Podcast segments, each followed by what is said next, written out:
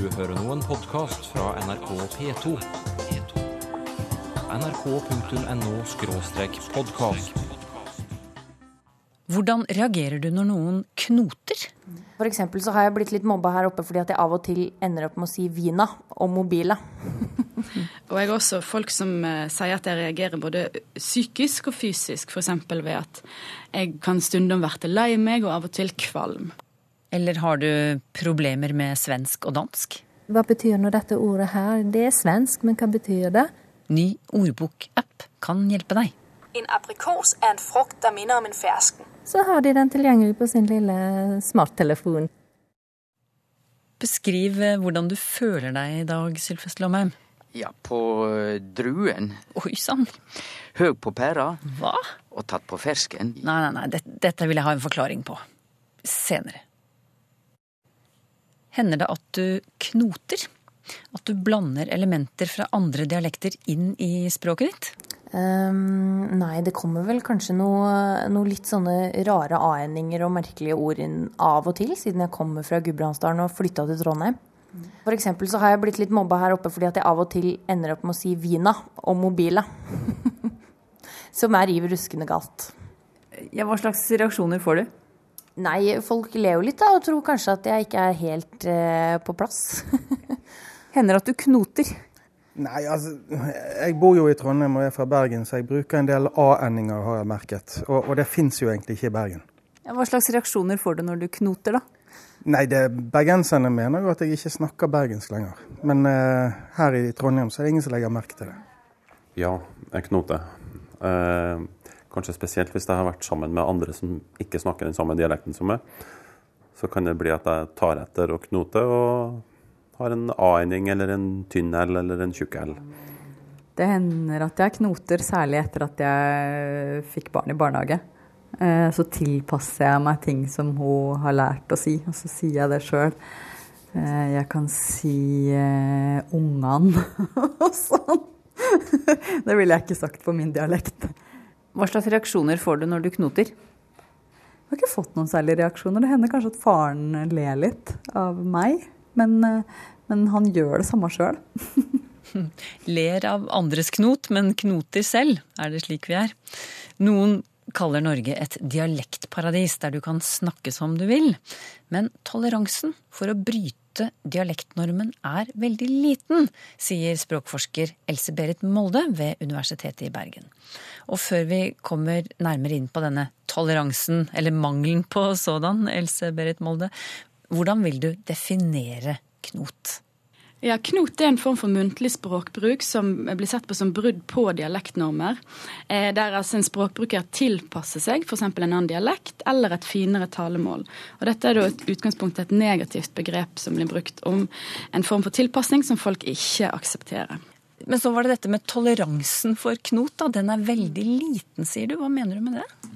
Altså Det blir ofte sagt som du nevnte, at Norge er et land der vi tolererer mye språklig variasjon. Og dette stemmer nok i forhold til det jeg vil kalle de tradisjonelle dialektene. Men om nordmenn oppfatter all variasjon i talemålet som naturlig, det stemmer ikke helt i forhold til begrepet knot. Altså Omgrepet knot er i utgangspunktet altså et negativt begrep som har blitt brukt i Norge helt siden 1600-tallet. Så lenge siden? Ja. Og Det er ganske interessant. og Den gangen så ble det sett på som et eh, brudd på bygdesolidariteten, og også et forsøk på å gjøre seg finere enn det en var. Sånn at det å knote var på mange måter å ta avstand fra sin egen sosiale klasse. I dag er det jo kanskje ikke så tydelige sosiale skiller i språket. I alle fall ikke i den forstand at vi normaliserer så mye som man gjorde før. Men likevel er det altså eh, reaksjoner mot knot. Og da særlig fra folk som kommer fra samme dialektområde som den som knoter. Ja, du, I en masteroppgave for et par år siden undersøkte du bl.a. hvordan folk som bor på Voss, reagerer på at andre knoter. Hva fant du ut? Ja, For det første, og det er kanskje ikke så overraskende, så fant jeg ut at det, veldig mange reagerer negativt. Ca. to tredjedeler oppga negative reaksjoner på knot. Og Det er litt interessant hvordan de gir disse svarene. Det er bl.a. hva følelser de får når de hører folk knote. Som at det er irriterende, eller at de blir flaue. Eh, De forteller også litt om hvordan de evaluerer språkbruken som stygg, eller at eh, de gir språkbrukeren bestemte egenskaper, f.eks. at de er snobbete, eller motsatt uselvstendige, eller at de da ikke vil vise hvem de er.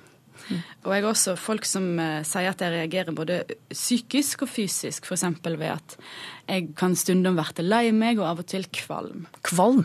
Så vi ser at dette her kan utløse ganske sterke reaksjoner. Men det finnes det også da noen som sier at de ikke bryr seg, og det er kun de unge som sier. Og en del som sier at de har forståing for at dette kan skje, og det er da kun blant eldre man finner den type svar. Det er også noen i denne undersøkelsen din da, som innrømmer at de knoter selv. Og er de like kritiske til eget knot som til andres? Ja, altså Når jeg nå har fortalt om såpass sterke negative reaksjoner, så skulle du kanskje tro at de ikke ville si at de knoter sjøl. Ja, ja. Men faktisk er det bare 30% som svarer at de aldri knoter. Eh, Og de resterende gjør det da i ulik grad. Eh, Noe som kan tyde på at de har ganske strenge normkrav til egen dialekt. Eh, Men det som også da er interessant, er at eh, 60 av de som mener de knoter sjøl, allikevel uttrykker at de reagerer negativt når de hører andre knote. Mm. Og det kan jo kanskje litt ha sammenheng med hva de mener årsaken til knotet er. Ja, For å ta det med årsaker, jeg er litt nysgjerrig på disse som sier at de knoter selv. Hvilke grunner oppgir de for å gjøre det? Det Da forklarer de først og fremst med en form for påvirkning, f.eks. at de har flytta, eller at de har venner fra andre plasser. Um, og at de lett tilpasser seg andre mennesker. Ja. Det vil si at det skjer ubevisst. Det er litt viktig. Så de er litt snille mot seg selv, altså? Ja, de skriver gjerne at de ikke gjør det med vilje, men det er sånn og sånn. Ja. Eh, og noen mener òg at det er noe de gjør for å gjøre seg forstått. Ja. Så det sier knoterne om sine egne grunner. Men hvis du spør dem hvorfor de tror andre knoter, hva svarer de da? Altså De som sier at de knoter sjøl, er nok litt snillere i svarene sine. Og flere trekker fram nettopp det med påvirkning og at man skal gjøre seg forstått. Eh, mens de som mener at de ikke knoter sjøl, i mye større grad trekker fram dette her med å endre sin identitet. Altså at folk knoter f.eks. For fordi at de vil være tøffe, eller de vil være mer populære i byen, eller de vil imponere. Men det det også de som vi kan kalle knotere, som altså mener at de sjøl knoter pga. påvirkning, men at andre de gjør det pga. forhold knytta til identitet. Hvorfor reagerer vi så negativt på knot, eh, en del av oss? Altså jeg tror at eh, Grunnen til at vi reagerer på knot, er at vi reagerer på hva vi tror er grunnen til at folk knoter. Og som jeg nevnte, så hadde jo det en gang en sterk sosial dimensjon eh, ved at man skulle gjøre seg bedre enn det man er. Og det tror jeg henger litt igjen. I tillegg så er det jo en del informanter her og kanskje folk flest som har en oppfatning av at eh, språk kan være bra og dårlig, eller riktig og feil. Og det å snakke ekte dialekt er det riktig, og det å snakke utvatna dialekt eller knote, det er galt. Eh, sånn at eh, knot er liksom eksempel på noe som blir blanda eller blir litt ureint, eh, og bryter med da, den autentiske identiteten eller dialekten. Din undersøkelse den- er jo foretatt på Voss, blant folk som bor der. Og det er jo ikke sikkert at det du har funnet der vil stemme for eh, andre steder i landet. Hvor i landet tror du vi finner dem som er mest kritisk til knoting? Ja, Det er jo litt vanskelig å si, men jeg tror at det gjerne kan knyttes opp mot forholdet mellom by og bygd. Mine informanter knytter dette i stor grad til Bergen og bergensk og bokmål. Eh, og man kanskje kan tenke seg at det er en del bygder rundt omkring i Norge da, der folk eh, er spesielt opptatt av knoting, gjerne mer enn i byene. Hvorfor er de mest eh, opptatt av det på bygdene, da? Nei, Kanskje fordi at dette her å holde på identiteten og denne bygdesolidariteten som begrepet knot var knytta til før, eh, er sterkere der. Eh, Og Det kunne vært interessant å se hva en bergenser f.eks. syns hvis andre bergensere begynte å knote i retning Vossedialekt, Men det har jeg altså dessverre ikke undersøkt ennå. Men det kommer kanskje i neste omgang. Takk skal du ha, Else Berit Molde, språkforsker ved Universitetet i Bergen. Mikrofon. Ja, det er et av de mange nygamle ordene som språkforsker Tor Erik Gjenstad samler på. Og med nygammelt ord mener han et uttrykk eller en betydning som har gått ut av språket i løpet av de siste generasjonene. Vi mimrer litt over noen av disse glosene i høst. Og eh, kan du gjenta ordet, Tor Erik Gjenstad? Ja, dagens eh, nygamle ord, det er egentlig ei betydning som jeg tror er nygammel. For ordet er mikrofon, og det er jo eh, velkjent. Men eh, en god del plasser så kaller i hvert fall den eldre generasjonen eh, telefonrøret for mikrofon. Ta av mikrofon, eller heng på mikrofon, kunne de si. Det var kanskje særlig på slike gamle telefonapparat som hang på veien, da. Jeg har hørt det på mine heimtrakter på Indre Nordmør, og har det jo litt tilfeldig fra Hitra og helt oppe fra Kvæfjord i Troms. ABC 2. En ABC er grundregler i et fag, f.eks. fotograferingens ABC. Adgang. Adgang forbudt betyr at det er forbudt å komme inn. Dette er Digital nødhjelp, en liten ordbok som hjelper deg hvis du står fast på et svensk eller dansk ord. Eller kanskje du bare vil sjekke hvordan det uttales?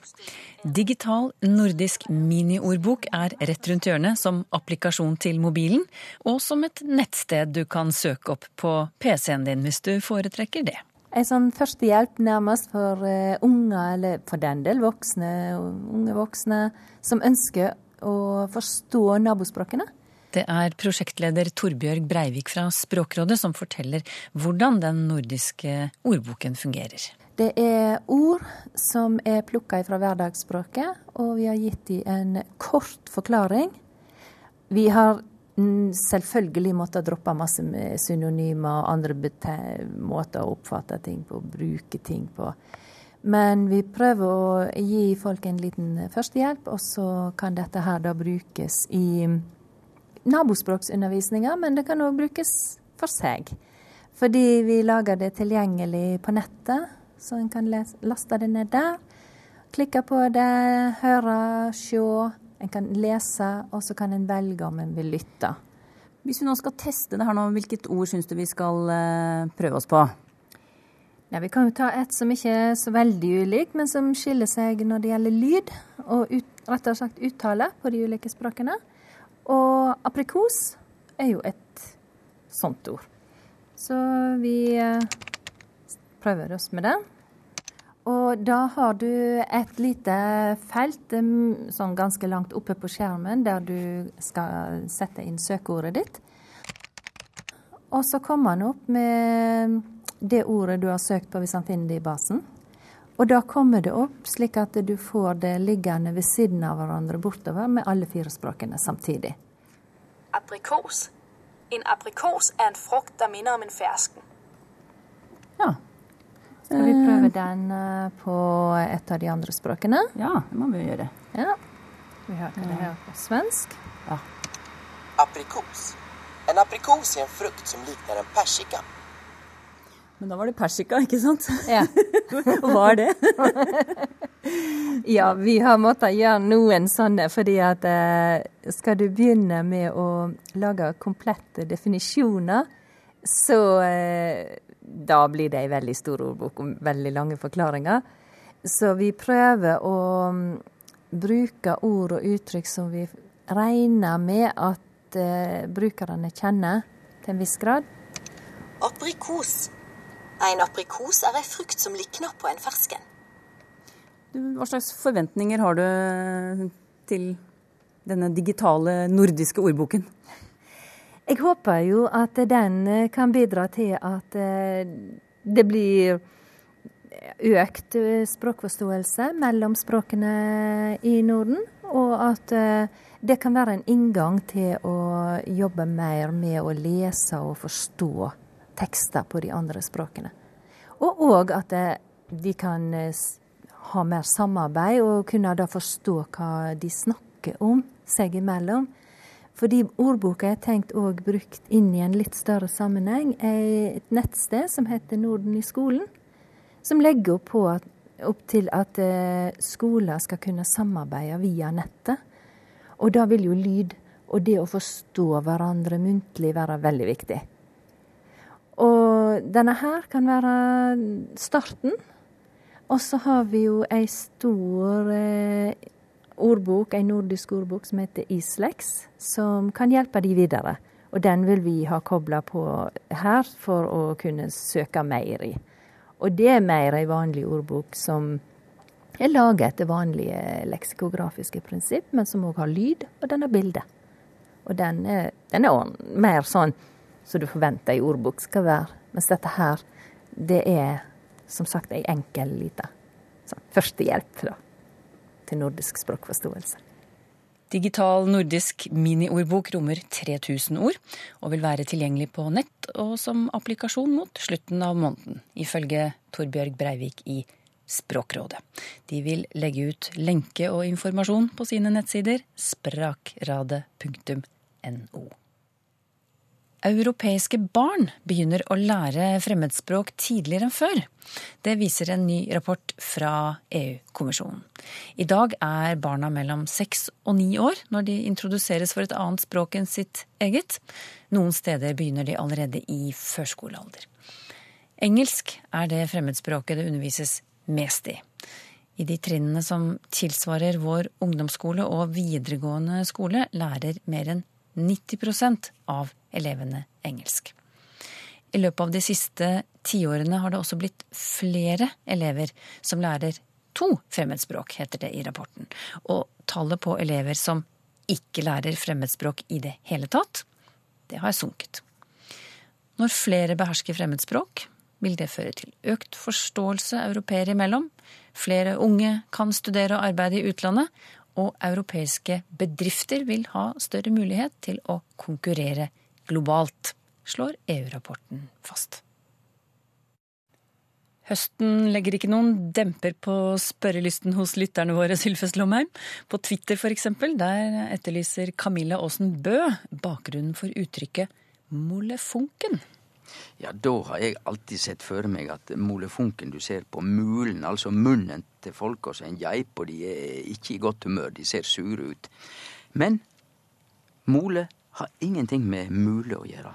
Men sannsynligvis fra det latinske ordet male, som betyr dårlig, og funken har faktisk med funksjon å gjøre, altså funktus, male functus på latin. Dårlig funksjon eller dårlig gjerning. Det fungerer ikke, det fungerer dårlig. Da er du molefunken. Arvid Larsen lurer på hvorfor det heter på druen, høy på pæra, tatt på fersken, og eventuelt andre slike fruktige uttrykk som han skriver. Ja? Ja, på druen, da er ikke du edru. Og sannsynligvis så er det vel en humorist som har tenkt på det, fordi at vin er ofte laga av druer. Og dessuten, eh, hvis du er da på druen, så er du ikke edruen, kanskje. Altså et ordspill. Morsomt iallfall, syns jeg. Høg på pæra, der er pæra ei humoristisk omskriving eh, for hovudet. Du held hovudet høgt, altså er du høy. Og tatt på fersken, da er du teken i den augneblinken det skjer, altså der handlinga er heilt fersk. Da blir du teken på fersken. Så den hadde egentlig ikke noe med frukt å gjøre, da, den siste der?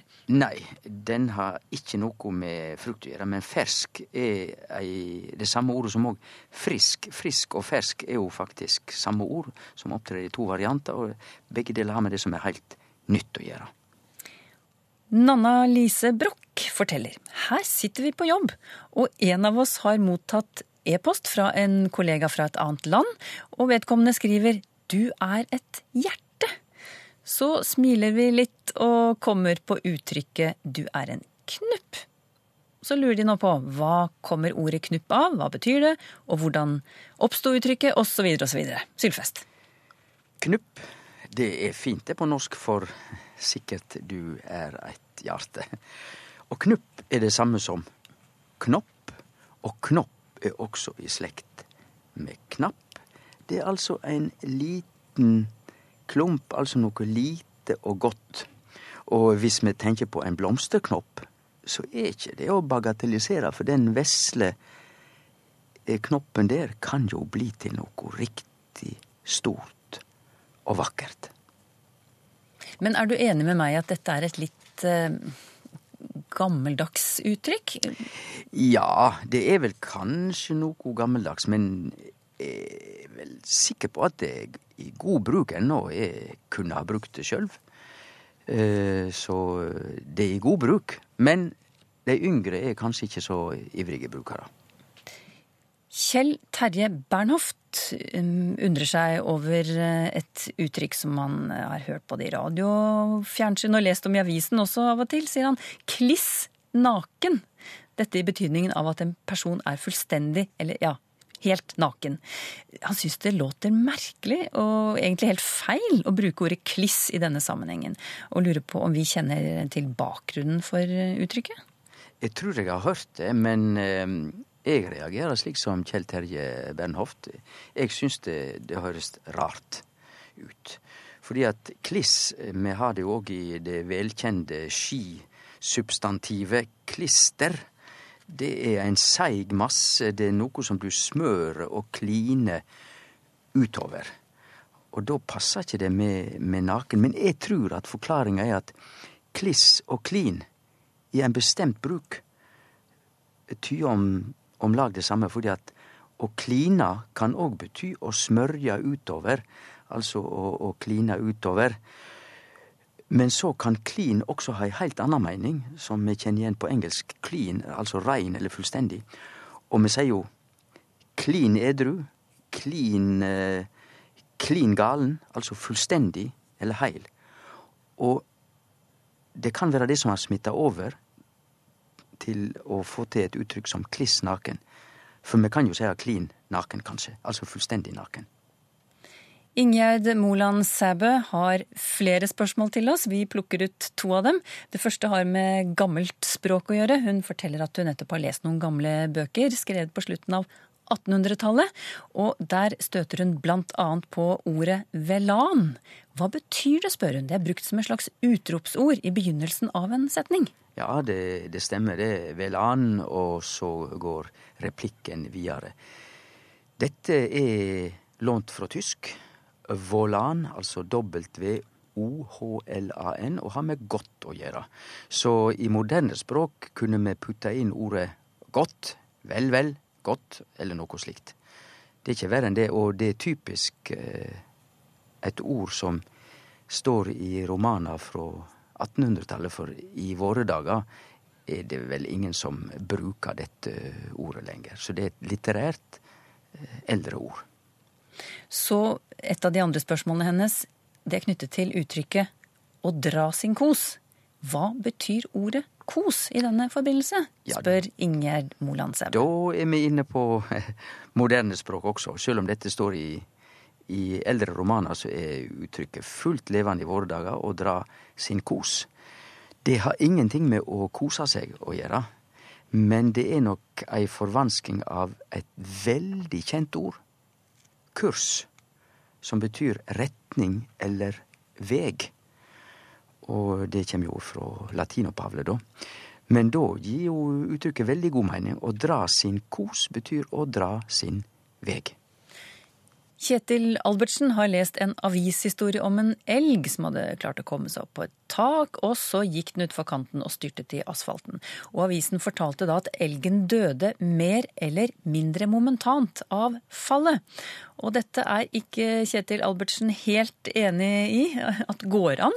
Han sier momentant, det er jo et punkt i tiden. Det har ingen utstrekning. Så enten så døde den momentant, eller så døde den ikke momentant. Den kunne ikke ha dødd mer eller mindre momentant, sier han. Og så lurer han på om vi er enig i det, da. Jeg får jo sparke ballen over til deg, Sylfest. Ja. Nei, eh, jeg syns jo dette høres eh, morosamt ut, nærmest. Altså litt humoristisk som formulering at en elg døde mer eller mindre momentant. Jeg tolker det nesten som ei morsomhet, for eh, Kjetil Albertsen har jo fullstendig rett. Seriøst og alvorlig tolka så går det ikke an å si det slik. Momentant, da er det et punkt. Da skjer det øyeblikkelig. Så det er meningsløst å si ja, mer eller mindre momentant. Det er derfor jeg tolker det litt humoristisk. Men hva skulle humoren uttrykke i dette tilfellet, da? Nei, for det går ikke an. Og det som ikke går an, det ler vi jo gjerne av.